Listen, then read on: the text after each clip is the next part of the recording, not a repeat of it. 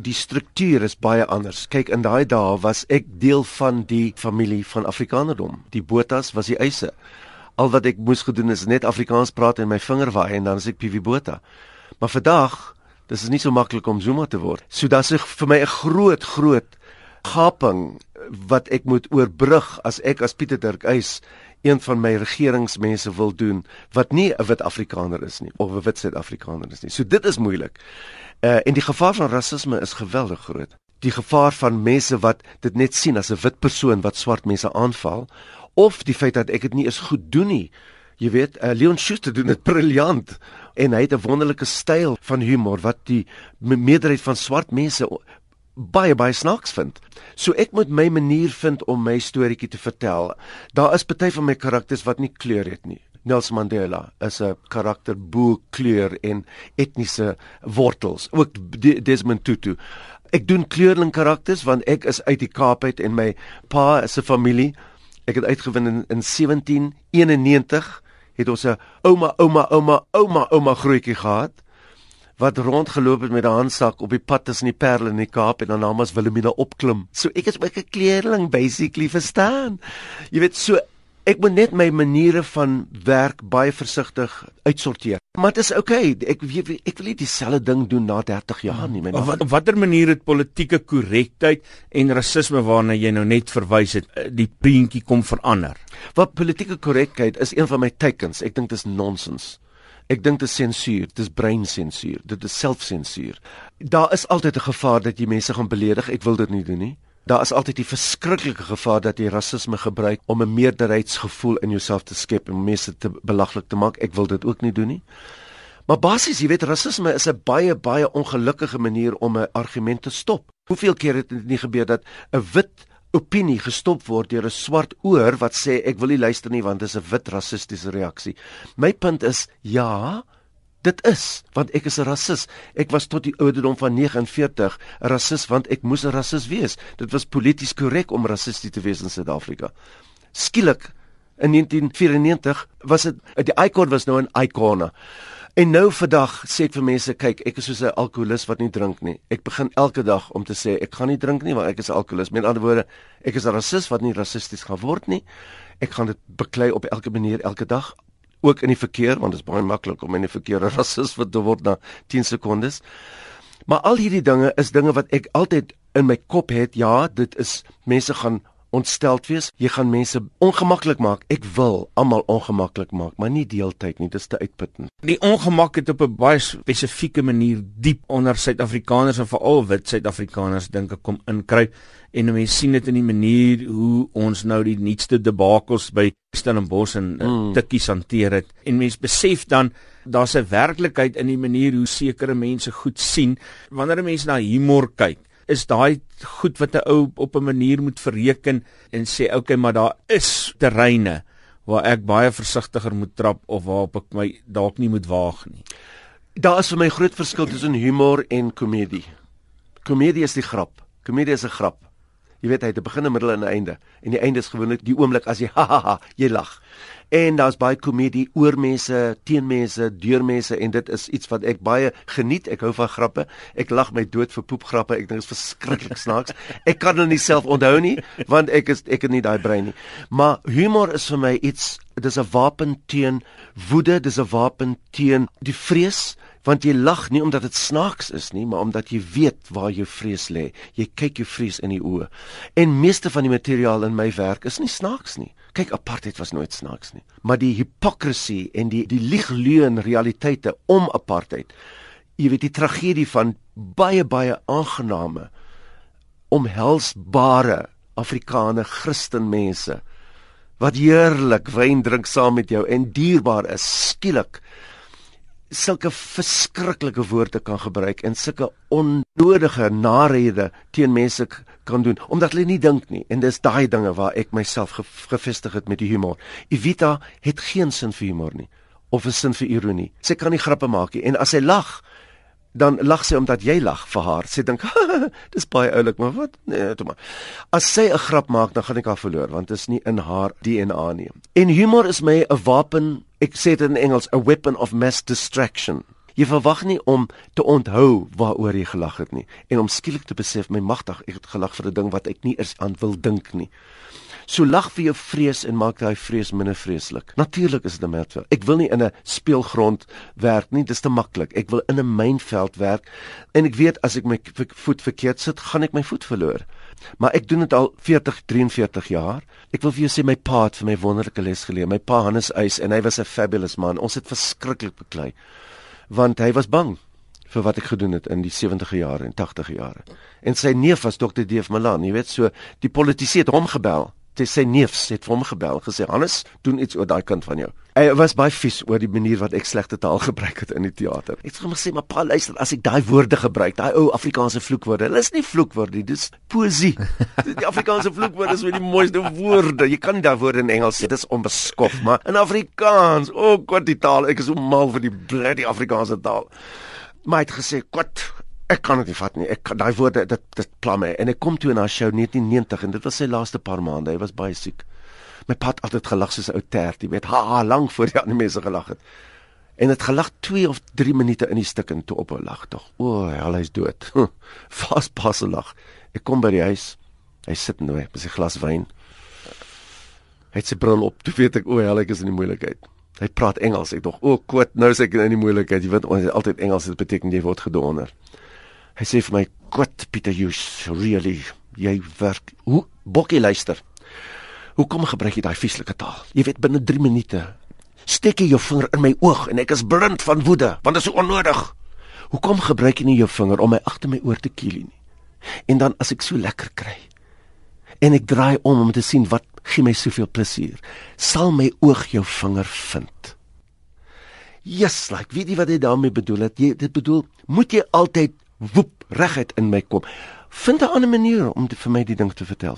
Vind 'n ander manier om regtig in my in te kruip met iets wat ek nie wil hê nie.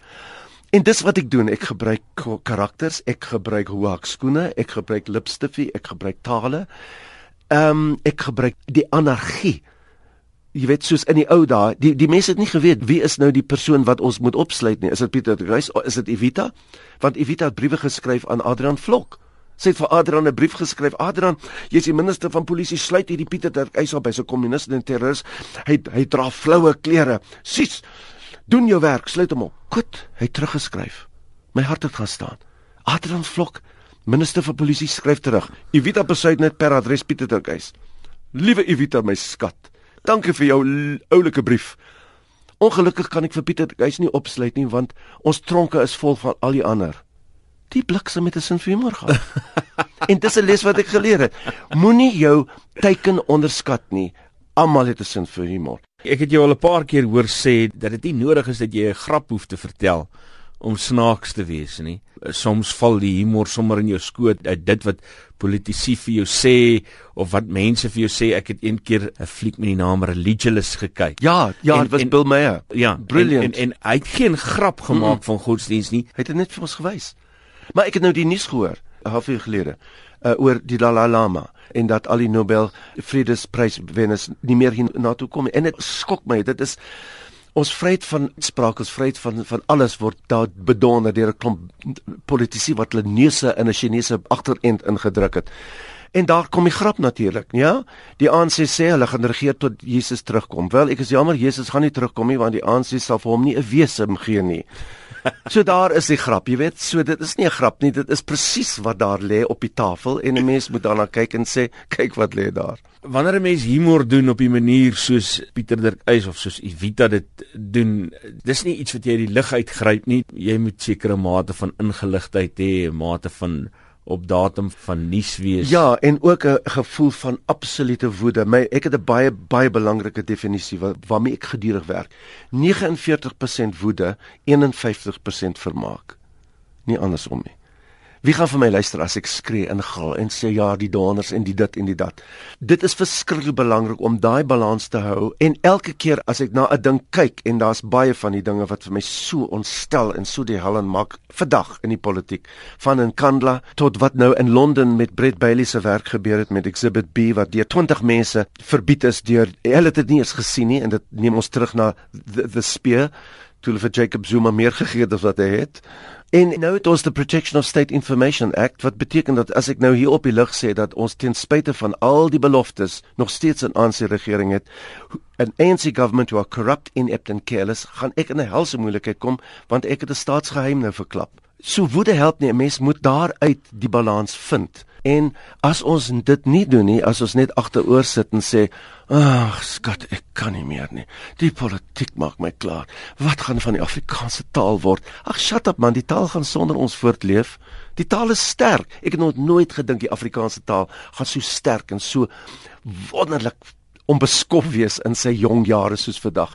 En die die meeste van die mense wat Afrikaans praat, is nie is wit nie do me a bloody favor.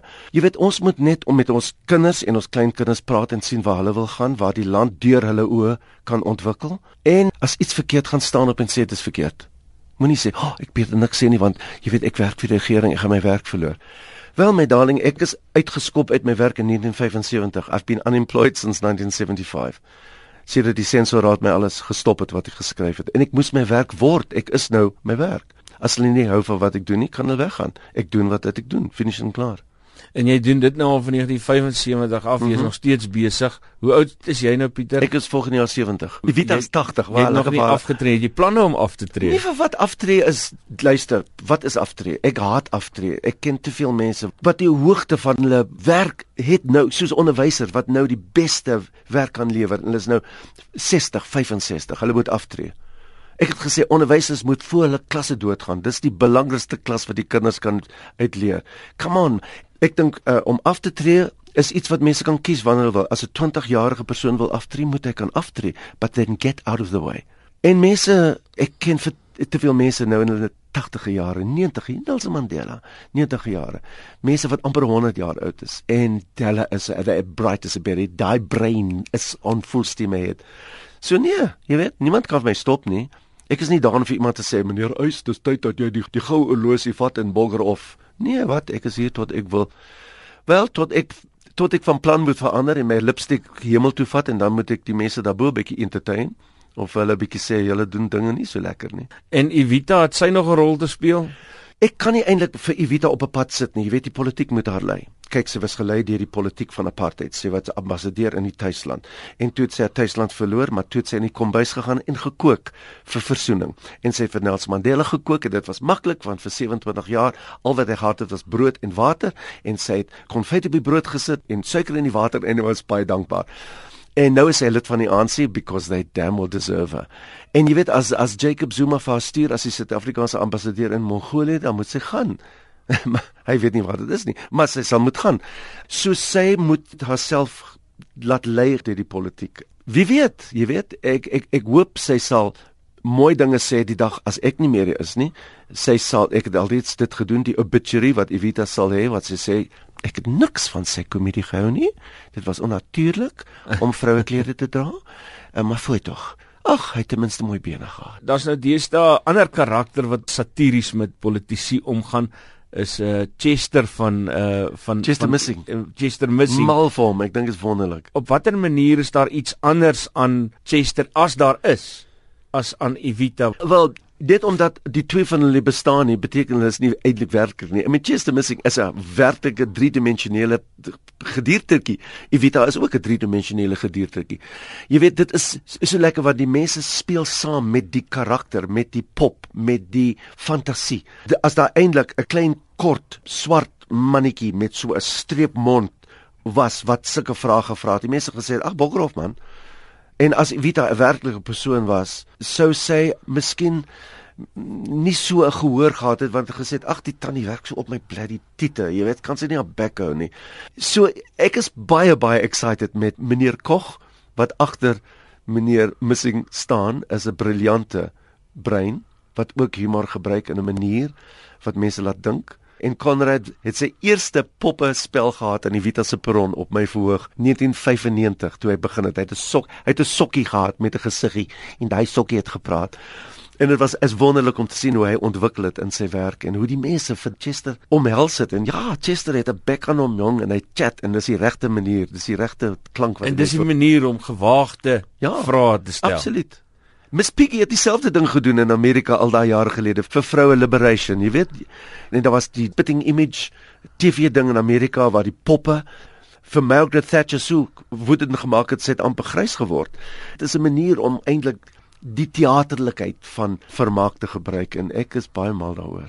Sonder om regtig 'n grap te maak, sit jy as dit ware iets in iemand se skoot net soos wat hy is, maar die karakter wat hom aanbied ontbloot skielik die skynheiligheid, hmm. die die die absurditeit natuurlik, die absurditeit daarvan. En die werklikheid um, dat dit eintlik werklik is. Is is daar iets te leer daar uit uit die manier hoe ons soms dinge wil regmaak? Jou pa wat sê kilie my eerder agter my oor in die ou Suid-Afrika wou ons dit regmaak deur dominees wat vir jou gepreek het van die preekstoel af en gesê dis verkeerd, dat's hmm. verkeerd, dis nie nie reg nie. En ons hele moraliteit is gebou op goed wat nie reg is nie. Hmm.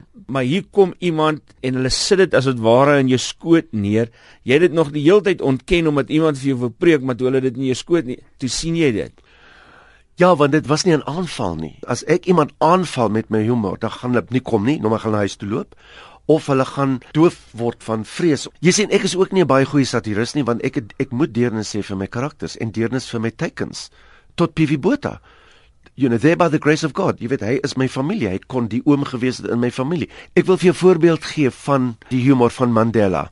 Hy was nie meer president nie. Hy was in Houghton in sy huis en hulle in Pretoria op 'n komputer screensaver in 'n polisiekantoor gevind. Die screensaver was Mandela se gesig wat 'n gorilla se gesig geword het. 'n Gorilla se gesig wat Mandela se geword het. Die hel het losgebars op die radio, op alles en dit was voor tweets en Twitter. En iemand het gegaan na na Houghton en na die huis en gesê Mr Mandela, "Have you heard what happened in Pretoria?" "Oh no, what happened in Pretoria?"